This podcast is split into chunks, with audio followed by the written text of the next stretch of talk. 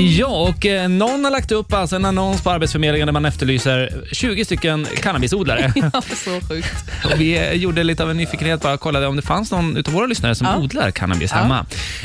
Eh, och vi har hittat en. Ja, så sjukt. som vi har fått prata med. Eh, eh, Olle har vi med oss, som är alltså cannabisodlare. Hur länge har du hållit på med det här?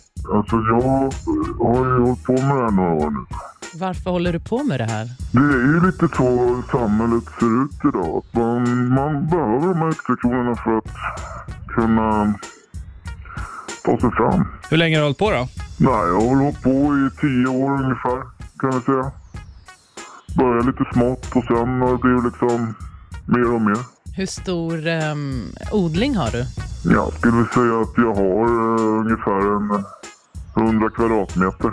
Jävlar, vart, vart ligger den då? Nej, det kan jag inte säga. Det kan jag inte säga. Vart det ligger någonstans, det kan jag inte säga. Det kan jag inte säga. Men på riktigt, vem, vem är det som köper de här grejerna? Nej, men det är ju alltså, det är ju väldigt jävligt vanliga människor som köper va.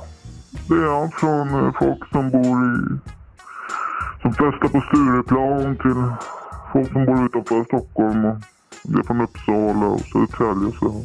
Men alltså, hur går det till då? Vad, vad, gör, vad gör du liksom? Vad, vad är din roll i det hela?